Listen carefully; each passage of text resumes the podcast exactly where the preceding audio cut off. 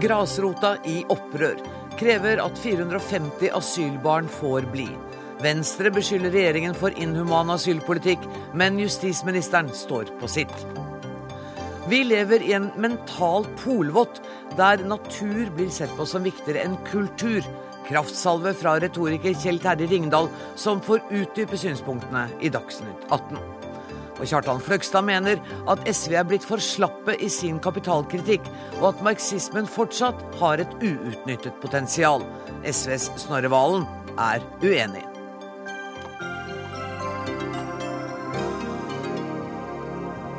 I denne sendinga skal vi også møte tidligere helsedirektør Anne Alvik, som ba om at kroppen måtte tåle medietrykket da det sto på som verst. Mediepress kan nemlig gi helseskade, mener forsker. Men aller først. LO Stat, AUF, Fremskrittspartiet, ordførere, biskoper, barneombud og grasrotbevegelser. Alle krever de at regjeringen gjør noe med de om lag 450 asylbarna som står i fare for å bli kastet ut av Norge.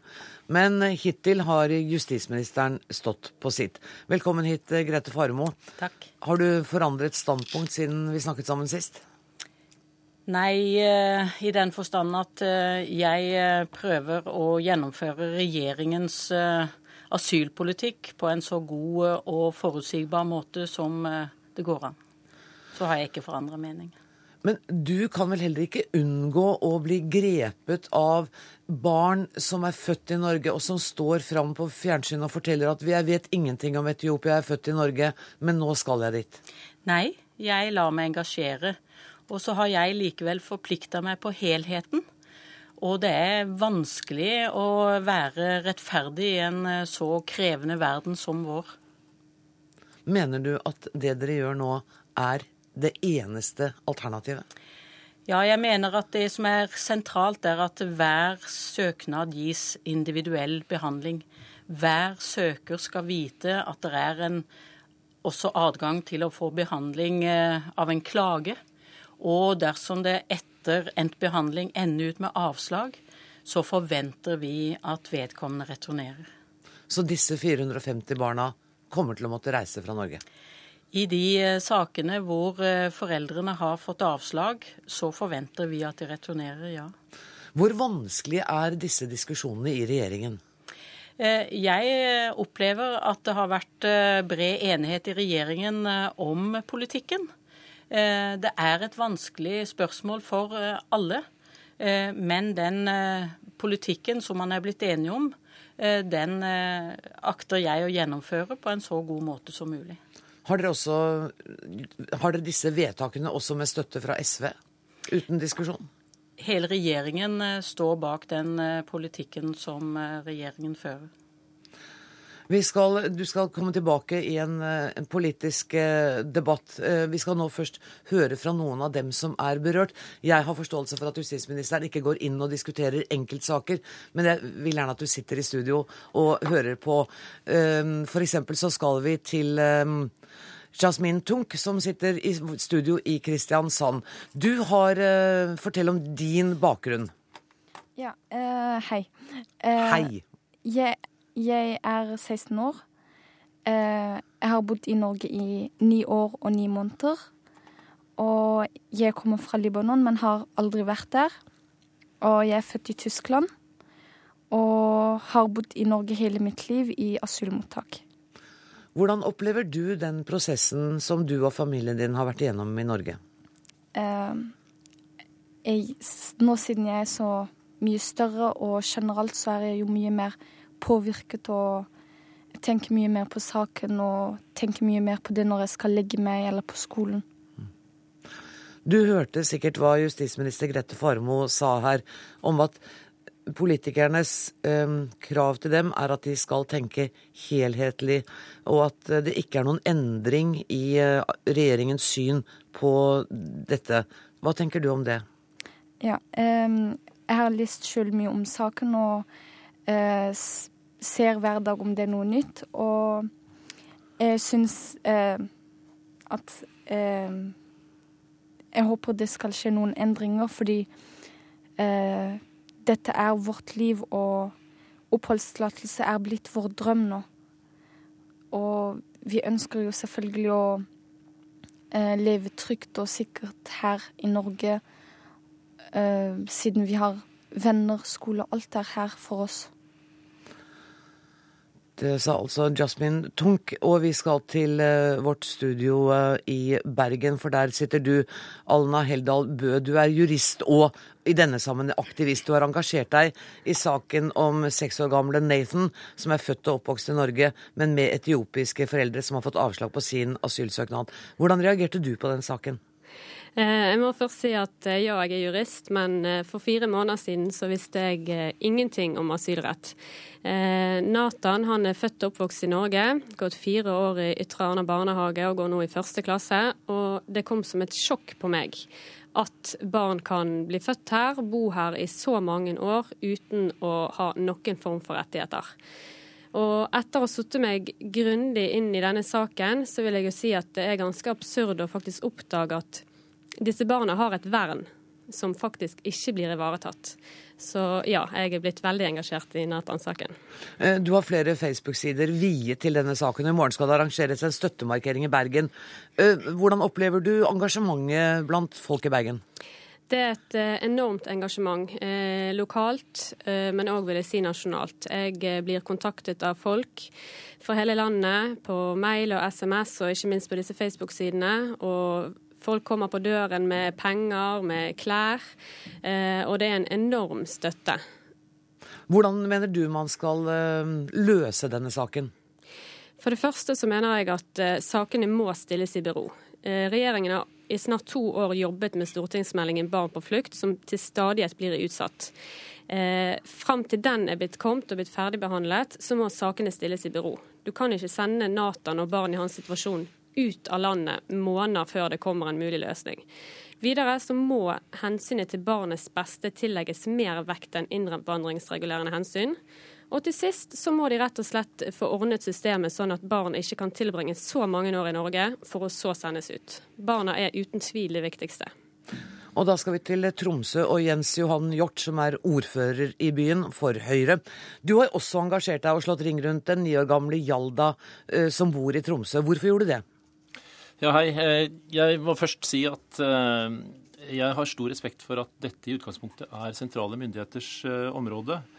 Og jeg misunner ikke Utlendingsnemnda deres oppgave i å skulle forvalte liv og skjebne på den måten som de, de må.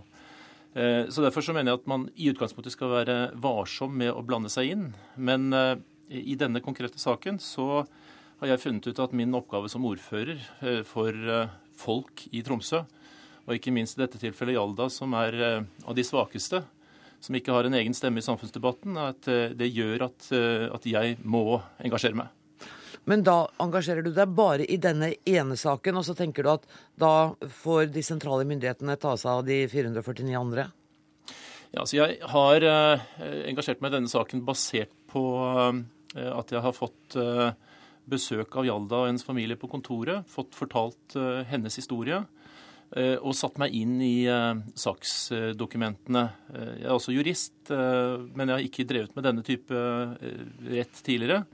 Men basert på det jeg har lest og, og hørt, så mener jeg bestemt at, at her er Hjaldas og barnets beste. At hun skal forbli i Norge og forbli tromsøværing. Og når hun har vært nesten fem år i Norge, så, så ser jeg ikke rimeligheten av, i, i at, at hun skal sendes til et land som hun ikke har vært i før, og hvor hun ikke kjenner språket. Du og biskopen i Nord-Hålogaland eh, sendte en appell til statsministeren og til justisministeren om å revurdere avslaget på asylsøknaden til Jaldas familie. Har dere fått noen tilbakemelding på det? Nei, vi har ennå ikke fått uh, tilbakemelding på det. Det er ikke så veldig lenge siden vi har sett, sendt den, så vi håper enda at uh, den skal danne grunnlag for, sammen med sakens faktum, at saken enten revurderes, eller at man gir Jalla et moratorium inntil Eh, de nye reglene på dette området eh, kommer. Jens Johan Hjort, ditt parti står jo for en restriktiv asylpolitikk? Ja, vi står for en restriktiv asylpolitikk. Men eh, når det gir seg, når det er så uheldige utslag som i dette tilfellet, hvor som, som tidligere intervjuet var inne på, at at, at, man er så lenge i Norge, at barna får en så klar forankring til, til Norge, så må man rett og slett la det gå foran. Det er barnets beste som både i forhold til internasjonale konvensjoner og norske regler skal gjelde. Og, da må man rett og slett la dem få bli. Da sier jeg tusen takk både til Jasmin Tonk, til Jens Johan Hjort og til Aina Heldal Bø. Inn i studio er kommet eh, Trine Skei Grande. Eh, dere i Venstre har, så vidt jeg har sett i dag, og jeg har sitert dere, kalt dette for en inhuman eh, asylpolitikk.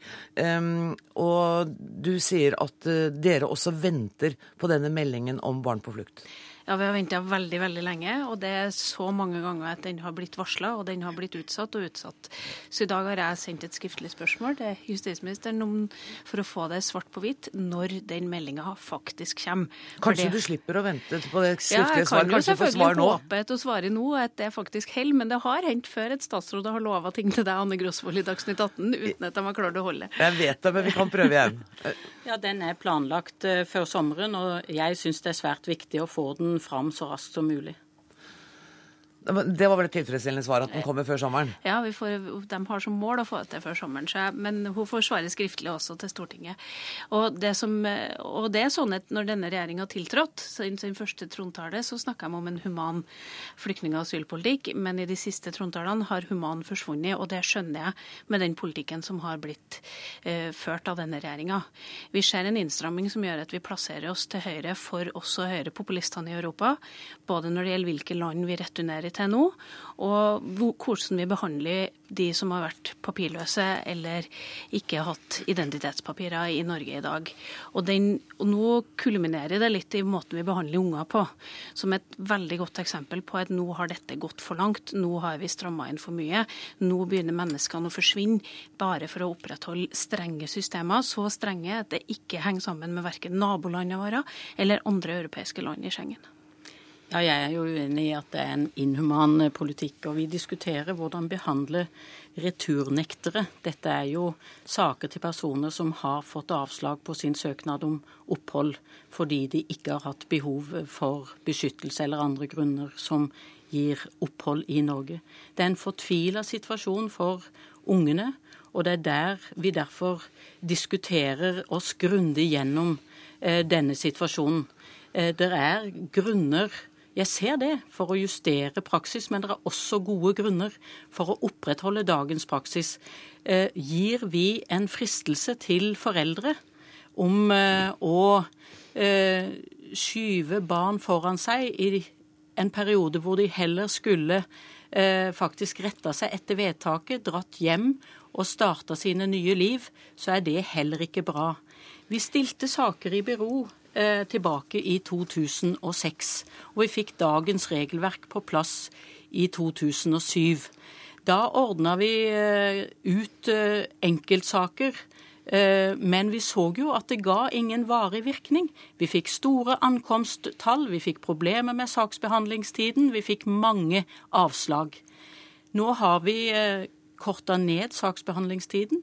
Det er en større andel enn tidligere som får opphold i Norge, og vi er blant de landene i Europa som tar imot flest. Jeg har et ansvar for helheten.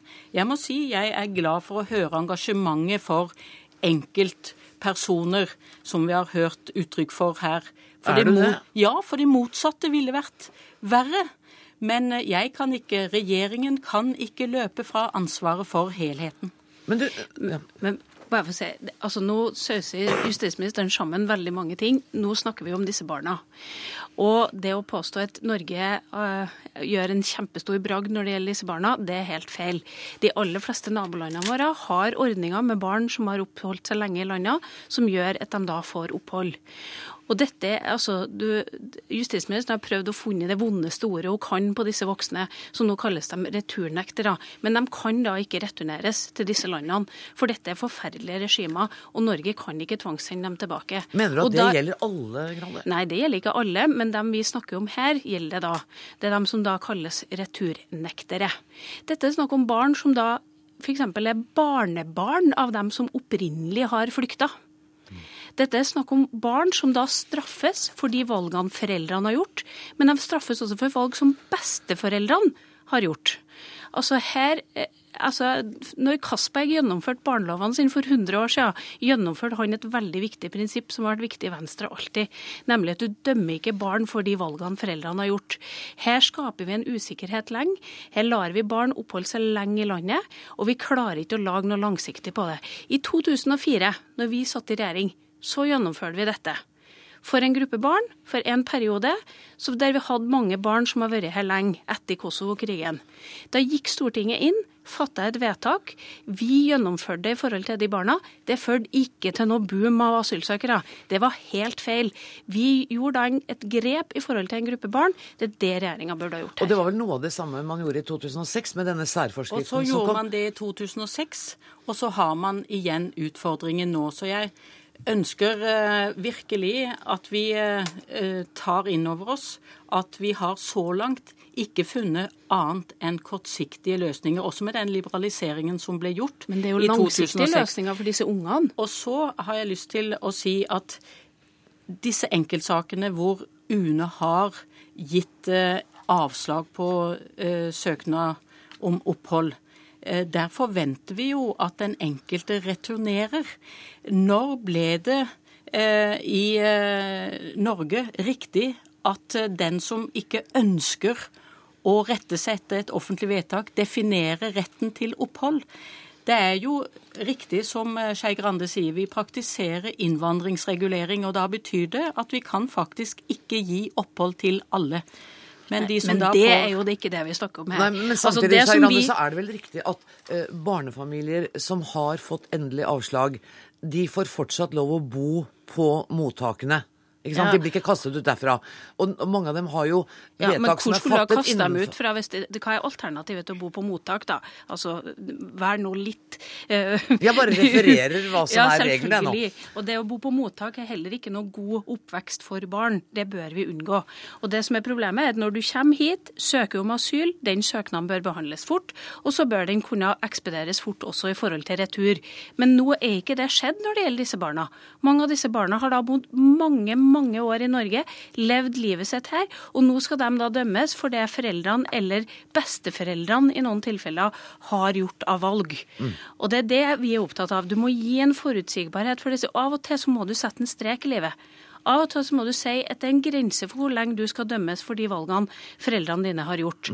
Og av og til så må du si at av humanitære grunner så må faktisk barna sine verdier også vedlegges. Og det har du lagt vekt på også i den forskriften som kom i 2006, at barnas eh, at det, Jo, det står i forskriften det er, at det skulle tas hensyn til. Men, det, men, men, i praksis og er det jo ikke en, en eh, god asylpolitikk det inkluderer også en effektiv returpolitikk.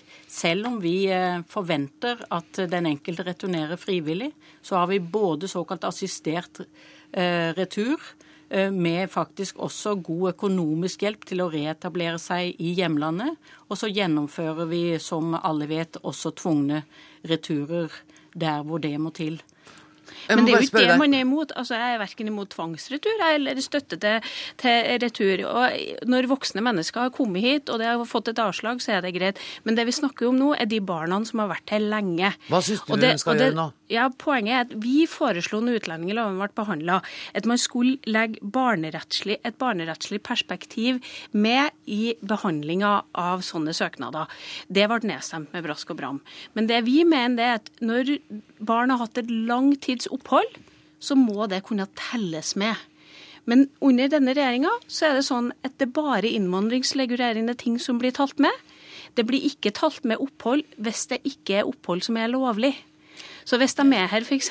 papirløse, så telles ikke de årene. Altså, Samme om de årene er et like viktig del av et barns liv som de andre årene. Men i henhold til forskriftene så skal de årene telles med for barnet, i hvert fall de selv om barnet De telles med, så jeg er nødt til å korrigere Skei Grande. Men, men, spørsmålet er om de får avgjørende betydning, eller om det er innvandringsregulerende hensyn som tilsier at man likevel opprettholder avslaget. Men jeg tror ikke vi når i mål her. nei, men Det er jo ikke noe vits i å ha fine formuleringer hvis du ser praksisen av politikken.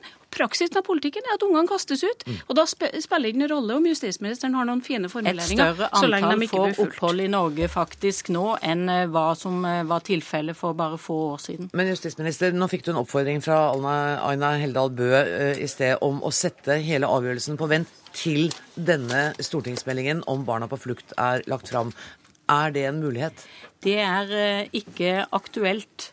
Eh, og det handler om eh, å ikke henge opp en eh, fristelse som blir uimotståelig for personer som allerede er i en vanskelig livssituasjon. Dette er fristelser som finnes i svensk regelverk, som ikke fører til noen bølger av innvandring dit.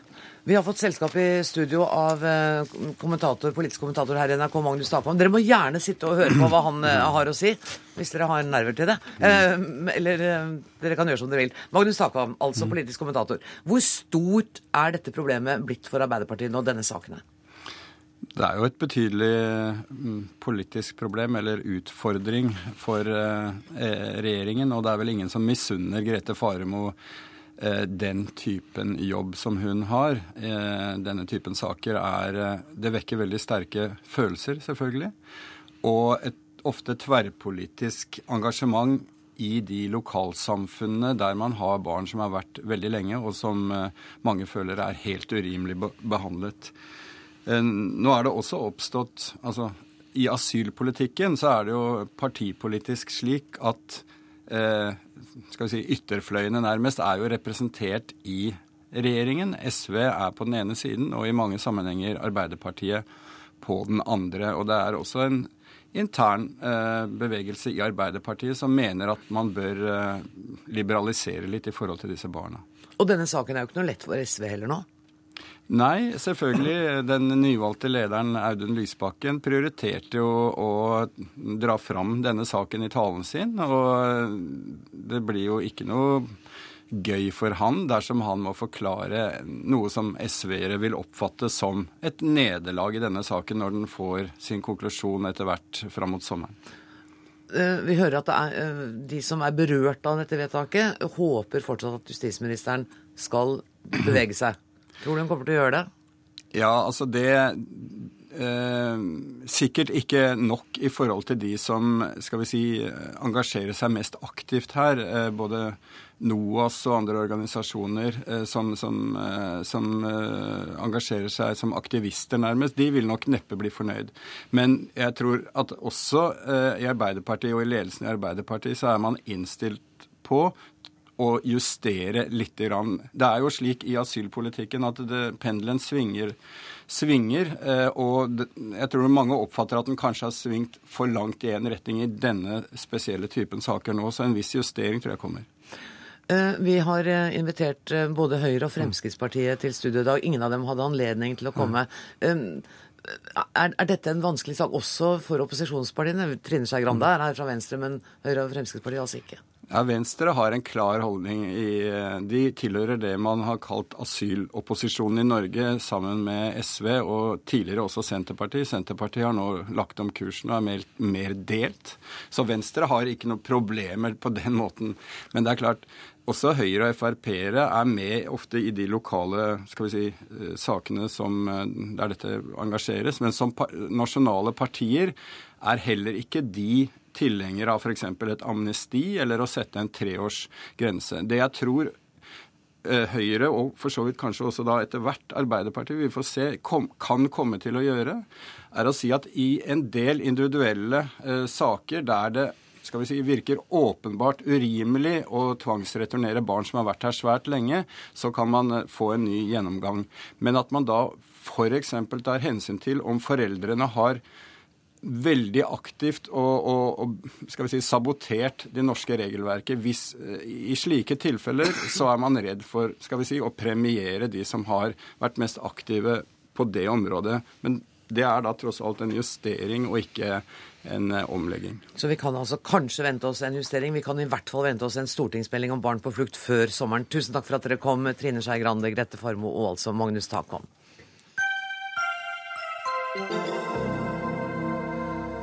Vi skal til eh, Israel- og Palestina-konflikten. Over 200 raketter skutt mot Israel av en gruppe som kaller seg Islamsk hellig krig i Gaza, har blitt besvart med kraftige luftangrep fra den israelske hæren, som har resultert i 25 drepte siden fredag. I går kveld kom det i stand en våpenhvile mellom partene. Professor i internasjonal historie ved Universitetet i Oslo og Midtøsten-kjenner Hilde Henriksen Våge. Hvorfor blussa denne konflikten opp igjen nå? Ja, Det kan man jo nesten sånn lure litt på. Eh, vi tror at eh, grunnen var at eh, Israel, som stadig driver med sånne målretta likvideringer, drepte generalsekretæren for en ny sånn utbrytergruppe som heter noe sånt som Folkelige motstandskomiteen. Som er litt sånn løse fugler som har slått seg sammen. Eh, og de har nok eh, alliert seg med islamsk hellig krig. Eh, som har et mye større arsenal med våpen og muskler, som fremdeles støttes, som er den eneste gruppen som støttes fra Iran. Og de fant ut at de skulle nå skyte ut 200 raketter mot Israel. Er Hamas med i denne våpenhvilen? Eh, Hamas har holdt seg helt utenfor dette. Eh, og det er derfor dette er litt sånn ikke følger det helt vanlige mønsteret. For man kan jo lure på hvorfor Hamas tillater at det skytes ut 200 raketter ja. på Israel. For da vet jo alle hva som skjer. At eh, bombingen kommer deretter. Er dette svekket Hamas, er det det du sier? Jeg tror det er både ja og nei. Jeg tror at Hamas for det første eh, lar det liksom komme litt sånn damp ut av denne trykkokeren. Så man lar disse litt opprørsgruppene eh, skyte ut litt eh, hva skal jeg si, begrensa med raketter. Og så tror jeg at det er veldig tydelig at en del grupper på Gazastripen ønsker å fortsette den væpnede kampen mot Israel. Eh, og så tror jeg at Hamas både ikke vil, og ikke helt ikke tør, og ikke kan, slå dem ned. Så de lar de gjøre det litt, og så håper man, håper man på at det går bra. Liv Tørres, du er generalsekretær i Norsk Folkehjelp og var i Gaza mm. senest i februar. Hvordan er forholdene der nå? Fryktelig vanskelige. Eh, de lever under en blokade som nå har vært virksom i mange år. Du har en arbeidsledighet på, på Gazastripen på 25% fattigdom på 40 75 eh, av befolkningen er helt avhengig av nødhjelp utenfra. Og det er klart dette bryter ned hele liksom, den sosiale strukturen, tålmodighet. Eh, det er fryktelig tøft. Infrastrukturen må jo være helt Infrastrukturen er nærmest totalt ødelagt. 90% av grunnvannet er udrikkelig. Eh, kloakksystemet har brutt sammen. Husene som da ble ødelagt under siste krigen, er jo da ikke mulig å bygge opp igjen ennå. Og det lille de klarer å bygge opp, det blir jo ødelagt igjen.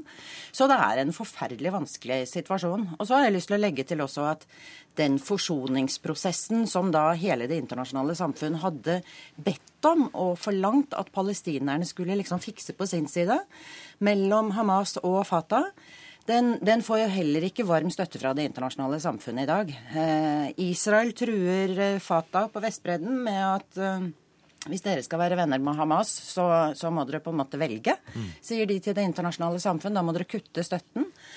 Eh, for da kan det ikke bli fred med Israel. Og, og, og det er klart, det gjør at palestinerne syns de balanserer på en vanskelig, fryktelig vanskelig knivsegg.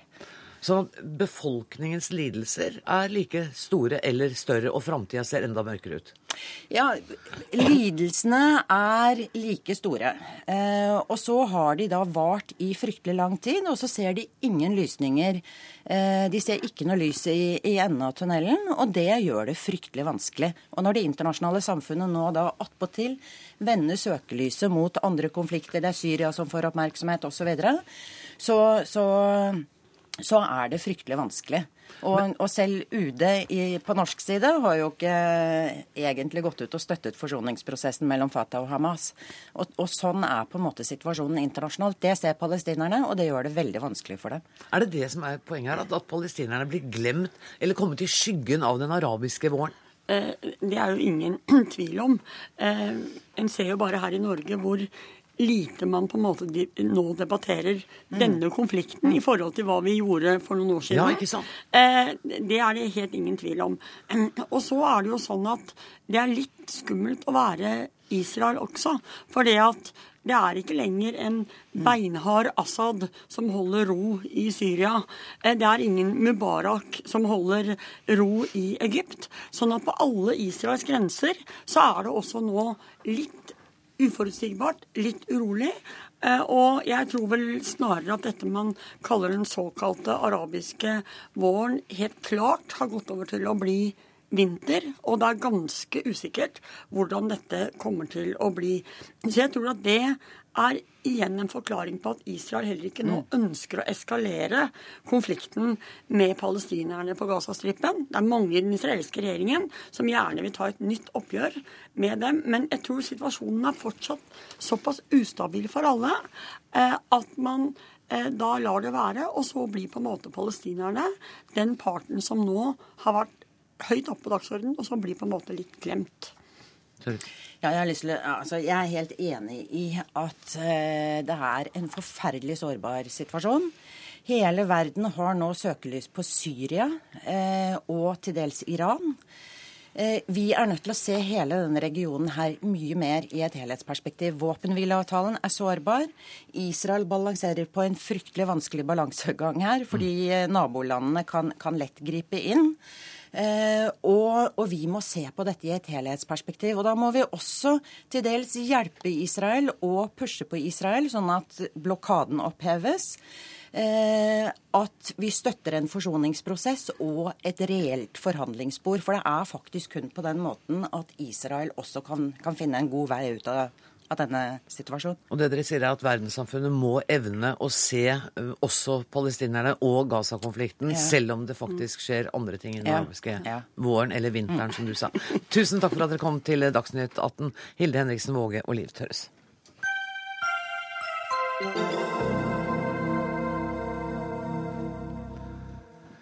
Medieoppmerksomhet kan føre til helseskader på dem som blir utsatt for det. Det mener forskningsrådgiver Alf Dahl ved Radiumhospitalet. I en kronikk i Dagsavisen i dag skriver han at medielekkasjer, feilaktige påstander, kritiske kommentatorer og tap av venner truer helsa til den som omtales. Og Alf Dahl, hvordan kan mediepress gi, denne, gi helseskader? Eh, det er jo sånn at uh, For at vi skal ha god psykisk helse, så trenger vi bekreftelse fra andre, og vi trenger å føle at vi hører hjemme i et sosialt fellesskap som aksepterer oss.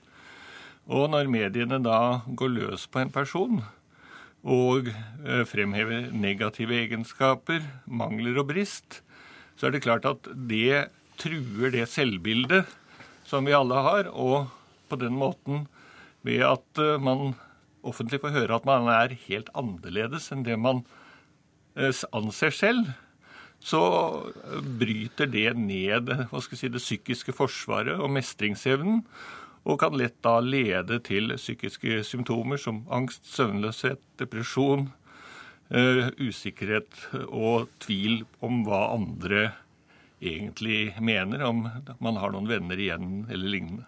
Men, men at maktpersoner i samfunnet blir utsatt for medienes kritiske lys, det er faktisk en del av uh, journalistenes arbeid? Ja, det bestrider ikke jeg i det hele tatt. Eh, det er jo bare hvor intensivt personlig dette skal gjøres. Mm. Hvor, for å ta Anne Alvik, hvilke interesse har publikum av om hun står i et eller annet inntektsregister eller er holdt på å si solvent? Mm.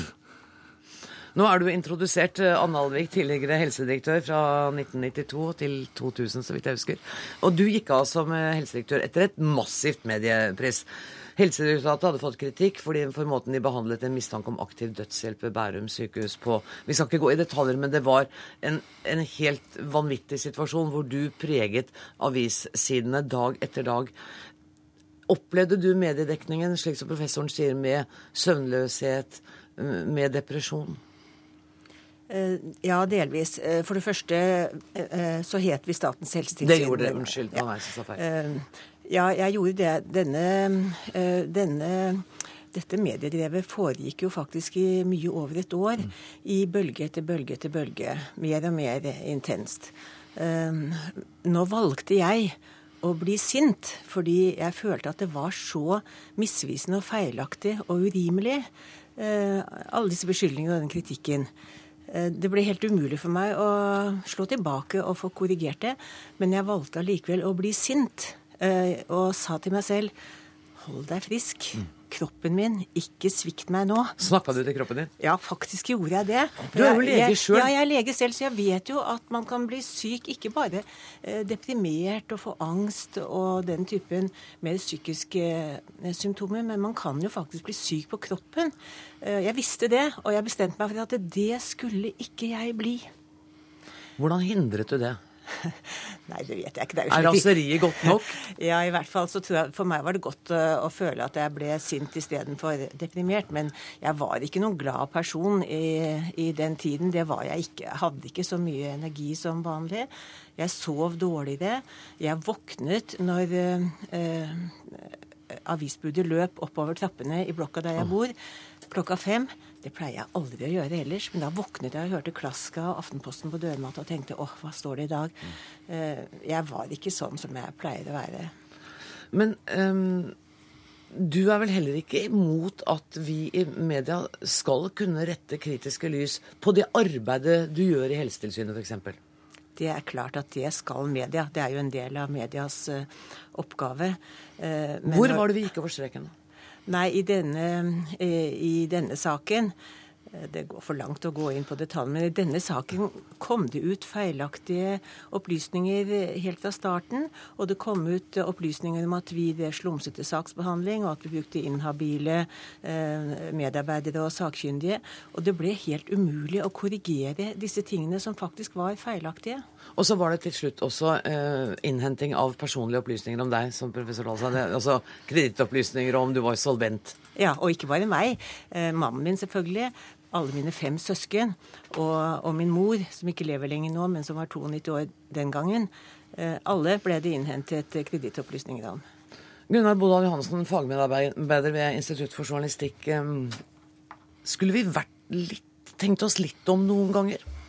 La meg først si én ting, og det er det at mediedrevet er av og til viktig og nødvendig.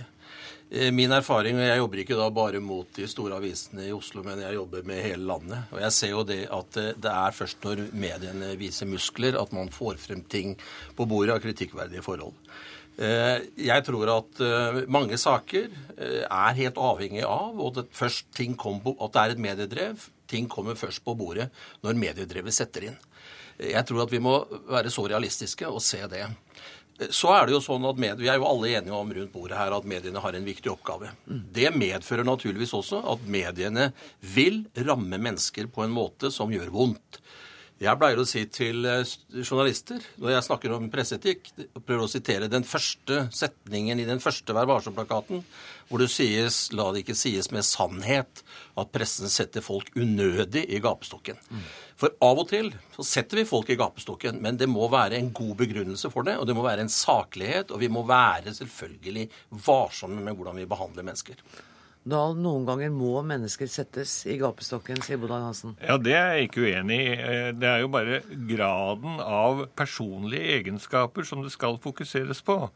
Eh, det er klart at eh, f.eks. igjen da tidligere helsedirektør, så er det da hennes embete og utføringen av det, kanskje da noe om hennes lederegenskaper, men når det går på personkarakteristikk og da stort sett eh, negativt, så mener jeg at det er ikke publikum spesielt opptatt av. Det er klart, Vi har alle skjønt det at eh, publikum gjerne vil vite noe om menneskene bak forskjellige eh, oppdrag, stillinger osv.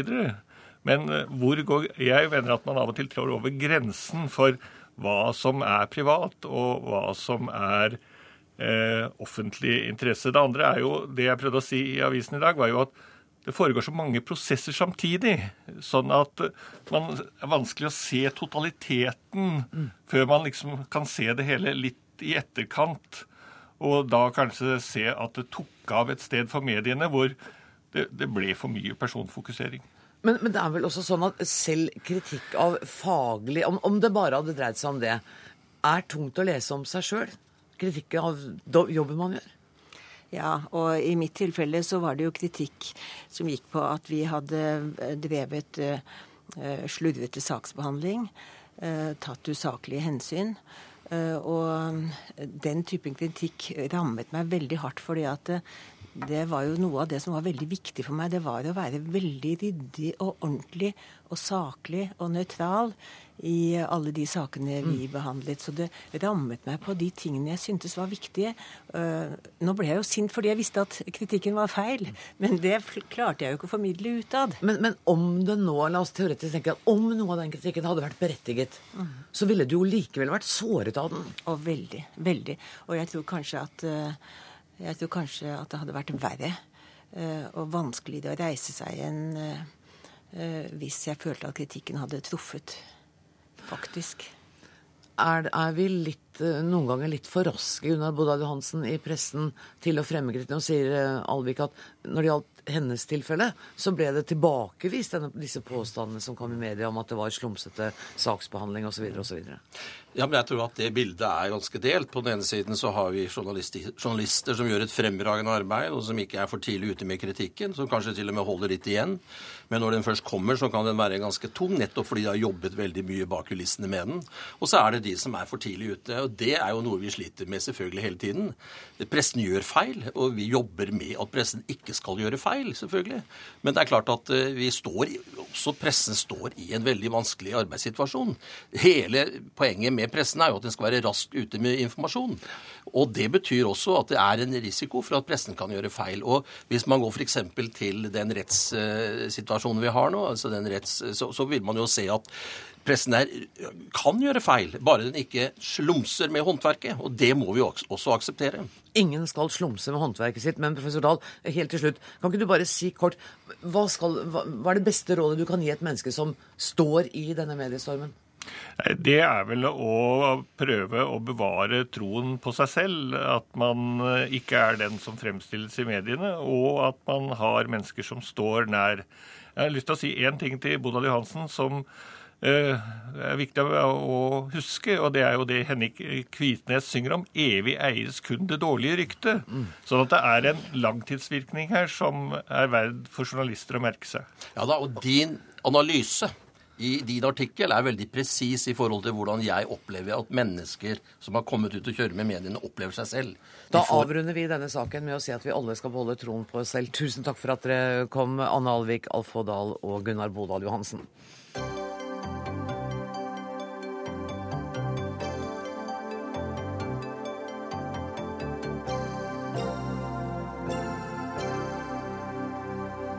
Så til eh, Sosialistisk Venstreparti. Fordi kapitalismekritikken er sterkere i Davos og i Financial Times enn i SVs sentralstyre. Det er det du som sier, forfatter Kjartan Fløgstad, i et intervju i Klassekampen for en tid tilbake. hva mener du? Eh, nå handler ikke dette intervjuet spesielt om eh, SV. Det handler om innsnevringa av det kritiske feltet. Men det syns jeg var et godt poeng å vise til hva som har blitt skrevet i Financial Times, og hva som har blitt sagt av grunnleggeren i, eh, av Davos-møtet. Davos Klaus Schwab heter han. Kapitalismen i sin nåværende form har ingen plass i verden rundt oss. Og Det er toner som en jo sjelden hører fra SV. Vi kan bare få skyte når det gjelder SV. altså at uh, Jeg har aldri vært partimedlem, men jeg har stort sett stemt på SV. Og jeg ville nok stemme på SV hvis det var valg på mandag. Og så vil jeg ønske Audun Lysbakken eh, til lykke med valget som leder. Det var da veldig så hjertelig dette ble. Jeg hadde trodd vi skulle ha en liten debatt her. Men, men stortingsrepresentant for, for SV, Snorre Valen, medlem av SVs sentralstyre også har uh, Kjartan Fløgstad i all vennlighet et lite poeng her når det gjelder deres kritikk av kapitalismen? Ja, og jeg tror jo valget av Audun Lysbakken som leder må leses Nei, men i all verden, da. La, prøv en liten debatt, jo, men det bør jo, det bør jo leses inn i det bildet. Audun er jo en leder av SV som er uh, veldig tydelig på det, og var det i talen sin på søndag òg, at kapitalismen som system er noe vi må kritisere mer. Og så må vi være flinkere på å finne løsninger som sosialistisk parti. Altså I hele Europa så herjer arbeidsløshet og kriser, og høyreekstremismen er på frammarsj i, i mange land. Eh, og venstresida har i altfor liten grad vært flink til å, til å, ta tak i det og vinne velgermasser eh, på det. Men, men, eh, så vidt jeg har skjønt deg, Kjartan Fløgstad, så, så, sier jo du også at eh, marxismen har et uoppfylt potensial. Eh, og du sier også at det var nok klokt av Lysbakken å ikke eh, klamre seg til den masta i, i, talen sin, for det ville skapt opprør hvis han nå hadde erklært seg som marxist. Hva er dette ubrukte potensialet i marxismen? Eh, jeg sa at taktisk så ville han nok eh, tjent på det. Strategisk er jeg ikke så sikker. Nei. Uh, nei, altså det er mest det at det det fraværet av andre ting. Altså den, De nyliberale tankene har jo ført til at Europa har gått under omtrent økonomisk, altså stor krise. Og det har ført til at på, i, stort, i, stor, bredde i det politiske feltet har mange begynt å lete i andre retninger. Og da er det mye som tyder på at kapitalismen trenger så å si, sosialisme for å kunne fungere. Altså Kapitalismen trenger en, eh, en sterk, motkraft, ellers så løper den amok, som vi har sett eh, de siste åra, og som vi omtrent ser eh, foran øynene våre i Europa nå. Og så er det det at EU har konstitusjonelt gjort det slik at systemkritikk er umulig. Nå har de som styrer EU nå, kjørt Europa i grøfta. Da skulle en eh, utenfor et vanlig demokratisk eh, system skulle en tenke at da kom en opposisjon som ville prøve noe nytt. Eh, det er da umulig. Men Korriger meg hvis jeg misforstår deg, men jeg tenker at med den oppslutningen som SV for tida har, og den manglende systemkritikken og den manglende ideologiske debatten som er i partiet, så er jo ikke dette akkurat noe for folk som deg å lene seg på, da? Dette partiet. Eh, det er iallfall ikke noe annet parti for meg å lene seg til. Eh, eh, og SV har jo et, har jo et program, og regjeringa har også en regjeringserklæring. Det som av og til skjer, er jo at det virker som om ekkoet fra, fra kommentariatet slår inn i politikken og fører til at et parti som SV handler i forhold til det kommentatorene har sagt i, på Dagsnytt 18 eller, i, eh, eller skrevet i avisene, og ikke i forhold til reelle eh, motsetninger i eh, samfunnet. Jeg tror for å være helt ærlig så mener at store deler av kommentatorsjiktet i Norge er, altså de er veldig konforme, veldig like og passer fint inn i, i Høyres i Arbeiderpartiet. Og én ting med det at jeg kan sitte som SV og irritere meg over det, men noe mer utfordrende med det er at det, det skaper et mindre rom for større, mer radikale ideer. Uh, og Det er det altfor lite av i norsk debatt. Jeg skal nevne to eksempler. Det ene er jo de tankene Audun Lysbakken sjøl har lagt veldig mye vekt på i form av mer deltakende demokrati, samvirkeøkonomi, alternativer til kapitalismen. Så har du helt i andre enden f.eks. Ketil Solvik-Olsen fra Fremskrittspartiet, som bruker mye krefter på å utfordre de rådende tankene i norsk pengepolitikk. Sånne ting er det viktig at, at løftes mer fram. For hvis vi hvis vi ikke har en politisk debatt der det er mulig å tenke stort og alternativt om hvordan vi organiserer samfunnet vårt, da åpner man dørene for ekstremisme. Hvis hele den store massen eh, av politikere og av tenkere og av journalister befinner seg inne her i midten, eh, ja, da er det, da er det ikke rart f.eks. at høyreekstremismen vokser i store deler av Sentral- og, og Øst-Europa. Den delen jeg er uenig med, med Kjartan Fløgstad i, uh, i hans analyse, det er at, at at vi har blitt mer pysete i språket, og, og, og, vi bør bruke enkelte begreper mer og sånne ting. Jeg tror riktignok at venstresida var sikkert både mer rufsete i håret og tøffere i, i kjeften i, i 1979. Eh, men ting har jo skjedd. Du skulle bare visst. Jeg skulle bare visst, Men ting har skjedd siden den gang. For det første har vi vunnet mange saker. altså Likestillinga har tatt sjumilssteg. Forskjellen i Norge går ned nå, mens de begynte å gå opp på slutten av 70-tallet. Og det andre er at jeg tror at min generasjon SV-ere er mer opptatt av å skille radikal form og funksjon. Altså, Reidar T. Larsen, SV- og NKP-veteran, sa det. At en revolusjonær er ikke en skrikhals. En skrikhals er en skrikhals. Og det er noe med at det å tøffe seg med en rekke begreper eh, er ikke nødvendigvis veien å gå. Jeg tror veien å gå hvis du vil gjennomføre en, en, en god venstreradikal politikk, det er jo å bruke begreper og finne politiske saker som kan begeistre mange mennesker, og ikke bare menigheten. Og det er vel du enig i, Fløgstad? Ja, og jeg er jo ikke politiker, men skrikhals. Eh, på den måten. Altså, og eh, nei, jeg tenker på en ting. altså Retorisk så eh, jeg tenker på USA ligger veldig langt foran oss. Men da har du fått en sånn dynamikk i, i måten å beskrive samfunnet på. Det, altså Kommunist er, det er ulovlig omtrent. Hvis du er marxist, så må du være tilhøre storborgerskapet og være professor ved Yale. Eh, sosialist, er du politisk død likevel. Eh, radical er og veldig farlig. Det er et stygt stempel å få på seg. Til og med liberal.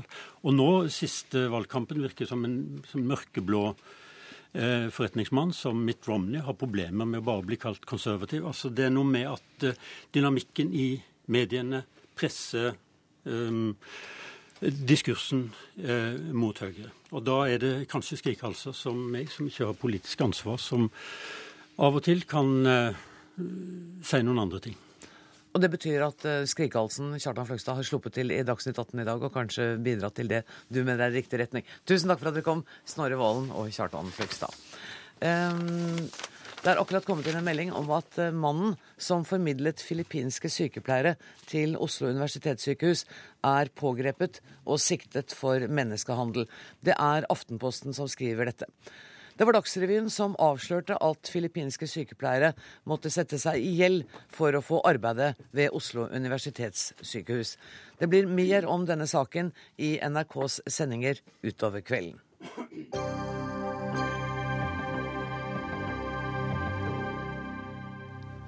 Vi er en forvirret nasjon, kan vi lese i Aftenposten i dag. Og det er vår praktfulle norske natur som har skylda. Den endeløse hyllesten av distriktene og naturen hindrer oss i kreativ nytenking og rammer oss midt i innovasjonsevnen. Dette er vel omtrent dine ord, Kjell Herre Ringedal, lektor i retorikk og samfunnspåvirkning ved Markedshøgskolen. I debattinnlegget i ditt i Aftenposten i dag så sier du at vi ligger på 17.-plass på OECDs innovasjonsliste. Hvordan kan du påstå at det er naturen som har skylda for det? Ja, hvordan kan jeg det? Ja.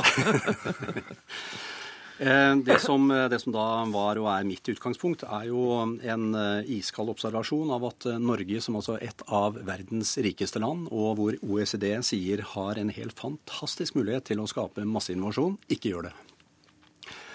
Og da er det min eh, profesjon å se, prøve å se litt på hva kan det være? Hva kan være grunnen til at vi ligger på denne 17.-plassen sammen med med land som vi ellers ikke liker å sammenligne oss med. Hva er grunnen til at uh, våre naboland har Nokia og ABBA og Hennes og Maurits og Saab og altså store bilprodusenter, og til og med spiller god fotball? Mm. Hva er grunnen? Og da har jeg forsøkt å se litt på den, si, den, det retoriske, det klimaet som, eh, som ligger der. Og da lurer jeg på om det er en slags dyrking av denne polvotten. Det å være den mentale, inn, den mentale polvotten, hvor vi er inne i naturen, inne i oss selv. Vi skaper ikke eh, nytenkning. Vi er mer opptatt av å gå Birken og svette og sikle enn å skape noe nytt. Du undrer vel ikke på, du fastslår vel det og, og langer i grunnen ut mot oss alle? Ja, det er vel kanskje det, det jeg gjør. At det, dette er, en, det er et klima eh, som, som, jeg tror har forsterket seg. Eh, færre og færre norske ungdommer ønsker å reise ut og ta ingeniørutdanning mm. og si, de tyngre fagene. Det er mye surfing og filosofi. Og det ser altså ut til at, ehm, at, på tross av at OECD skryter av Norge, og at eh, vi har Innovasjon Norge og vi har altså alle disse fantastiske verktøyene, så løsner det ikke. Vi gjør noe annet. Og det er da spørsmålet er om vi er så glad i lovene og distriktene at det er der vi holder oss, for det er trygt. Vincent Fleischer, direktør for strategi og kommunikasjon nettopp i Innovasjon eh, Norge. Hvordan reagerte du da du leste Ringdals innlegg i dag? Først så må jeg bare innrømme at jeg, jeg koste meg litt med, med, de retoriske poengene som kom på, på gullsnor etter bortover. Uh, og jeg syns at det er en veldig god diskusjon som Ringdal prøver å, å løfte. Uh, Har han litt rett, da? Jeg tenker at uh, han er litt på jordet. og at det er litt han som kanskje er på jordet, og ikke alle de andre. fordi jeg tror ikke han det er lett å sitte litt sånn i Oslo-gryta og tenke at, eh, at her, altså alle de journalistene og byråkratene og offentlige folk som sitter her på hovedkontorene, at her er det ikke mye innovasjon. Men det, er en liten tur rundt eh, i Norge, så vil man oppdage at Norge er et kompetent råvarenasjon. En kompetent råvarenasjon som har klart å legge mye mer forskning, mye mer kunnskap inn i sektorer som ellers anses som å være sånn rimelig primitive. Men det er ikke det i Norge. Vi er mye mer forskningsorientert og mye mer innovative på disse næringene i Norge enn i noe annet land. Og de eksporterer så det suser etter. Hvorfor ligger de på 17.-plass på den OECD-lista? Og de ligger i distriktene. Ja. Langs kysten oppover. Men hva er det OECD som tar feil, da? Ja, de innrømmer litt det. Fordi at de snakker om the Norwegian puzzle, den norske gåten. For de sier at Norge gjør alt gærent i forhold til de innsatsfaktorene man mener at man skal gjøre. Alt man putter inn i boksen. Er, jeg skjønte ikke det. Innsatsfaktorer Altså alt man, det, altså OECD har fått laget en lang smørbrødliste over ting man mener man bør gjøre for ja. å bli et innovativt land. Ja. Nyskapende land. Og der har ikke vi gjort riktig. Og vi gjør ikke alle de tingene. Eh, men det som hensikten med å gjøre alle de tingene, er at man skal komme ut på andre siden med stor og høy verdiskaping. Og det klarer Norge. Og så klør da eh, OECD seg i huet, og så sier de hvordan kan det ha seg at Norge gjør alt feil, men får det til likevel. Og så har man i flere år hatt det svenske paradokset, som har vært akkurat det motsatte. Gjort alt riktig, men ikke fått til noen ting. Så, eh, også, og det er mange ting man kan si om den undersøkelsen også, i tillegg til det. fordi det er også slik at eh, våre eh, kompetente råvarenæringer de er jo da eh, i internasjonal statistikk. Også olje- og gassnæringen. Vi vet de fleste at det å bore på 3000 meters dyp, det er ganske mye, ganske mye kompetanse bak det. Men olje- og gassnæringen anses internasjonalt som en en enkel og primitiv næring. Og Derfor så teller ikke den som en, en high-tech-industry, som er en av de viktige indikatorene i OECD. Eh, ok, Ringdal, kanskje, kanskje, er det ikke så gærent at vi sitter inne i denne mentale polvotten vår? Da, for det virker jo som vi får det til, til, til tross for at vi ikke gjør alle de riktige grepene. Mm. Det kan godt være at vi kan sitte inne i den polvotten veldig lenge også, nettopp fordi vi er så rike og fordi vi har eh, nettopp en, en svært kompetent eh, innovativt, altså et innovativt miljø knytta til, eh, til, oljeindustrien, sånn at vi er innovative ute i Nordsjøen. Og det kan godt være at vi kan lene oss helt rolig tilbake og fortsette å gå på ski i mange mange år til uten at vi får store problemer av den grunn. Men jeg tror at det er et, altså jeg tror det er et skift jeg tror det har blitt verre. Jeg tror innadvendtheten har blitt verre. Jeg tror det er en større og større orientering rundt vårt eget flagg, vår egen nasjon, våre egne distrikter.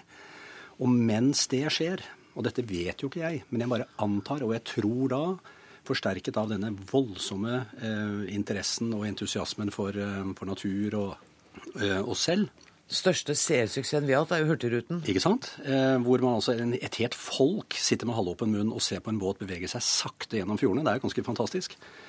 Eh, men jeg tror at eh, innadvendtheten er et problem i seg selv. Eh, selv om vi også kan sitte der og bli stadig tjukkere, så tror jeg at det rett og slett også er litt morsomt å vende blikket utover og bortover. Jeg tror det er gøy å tenke at en nasjon som er så rik, vi kan faktisk skape masse nye ting, også på fastlandet enn å bare fortsette å, eh, reprodusere oss selv og vente på at krokusen skal komme opp uh, om våren. Mm. Og Fleischer, det er vel litt dumt å liksom gå i skyttergrava med en gang dere får kritikk. Det er jo noen poenger her. Kanskje skal vi bli litt mer internasjonale og litt mer kosmopolitter? Jeg mener på ingen måte å gå i skyttergraver, men jeg mener at det er utrolig mye vakkert som skjer i norsk næringsliv. Og det er utrolig mye kule, bra norske bedrifter rundt forbi der. Eh, og vi jobber med dem over hele Norge, i alle norske fylker. Eh, og vi jobber med dem i 30 land verden rundt. Og det vi gjør der, er jo å hjelpe alle disse bedriftene ut til eh, inn i Japan. Etter tsunamien så er det et kjempebehov for masse ny norsk teknologi. Både på, opp, på oppdrett og på fornybar energi, og det jobber vi med hver dag. Så det er veldig mye, mye der. Men jeg skal gi, rett, gi deg også rett i annet, en annen ting, og det er at eh, vi i Norge er ikke, så, vi er ikke så veldig gode på markedsorientering, antagelig. Er, vi er ofte glad i de gode teknologiene vi har, de gode produktene vi har. Eh, og det, Jeg har sittet, sittet og, og, hatt ansvaret for Innovasjon Norges virksomhet eh, i Spania og Portugal. og sett en del norske bedrifter komme ut, være ganske fornøyd og ha høyt selvtillit på sine produkter og sine varer, men ikke sjekket godt nok med hva som skjer i markedet. Eh, og få på en, måte, en del overraskelser og en del ekstraarbeid når de da så møter, møter markedet. Så en, en sterk... Du og jeg som sitter her nå, du ja. fra staten og jeg fra sidelinja. Det som er utfordringen, er jo det er det private næringslivet som svikter. Nå må det komme en punchline, for vi skal slutte. Og den punchlinen er at norsk næringsliv bør i større grad få av seg den kondomdressen, slutte å gå på ski og starte innovasjon. Tusen takk, det ble siste ord. Jeg beklager, for vi må slutte. Takk til Vincent Fleischer fra Innovasjon Norge og til Kjell Terje Ringdal. Ansvarlig for sendinga var Dag Dørum. Det tekniske ansvaret har Svein Åkre. Jeg heter eh, Anne Grosvold, og vi høres igjen på denne kanalen klokka 18 i morgen. Takk for nå.